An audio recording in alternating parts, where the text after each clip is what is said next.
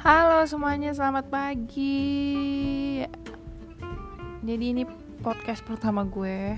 Sebenarnya nggak pertama-pertama banget, gue udah pernah bikin dulu, cuma nggak gue niatin, gue bener-bener random, gue nggak tahu gue mau ngomong apa. Dulu gue nggak pintar ngomong, bahasa gue juga agak sulit dimengerti menurut gue sih terus akhirnya gue memberanikan diri buat bikin podcast lagi di mana podcast gue ini nantinya ke depannya akan membahas semua hal yang menurut gue uh, jadi keresahan gue gue lebih ke arah pengen apa ya speak up apa yang gue rasain yang gue alamin dan mungkin gue bakal uh, bawa beberapa narasumber gitu ya yang punya masalah yang sama kayak gue gitu-gitu uh, jadi untuk ke depannya nantikan aja podcast gue oke okay.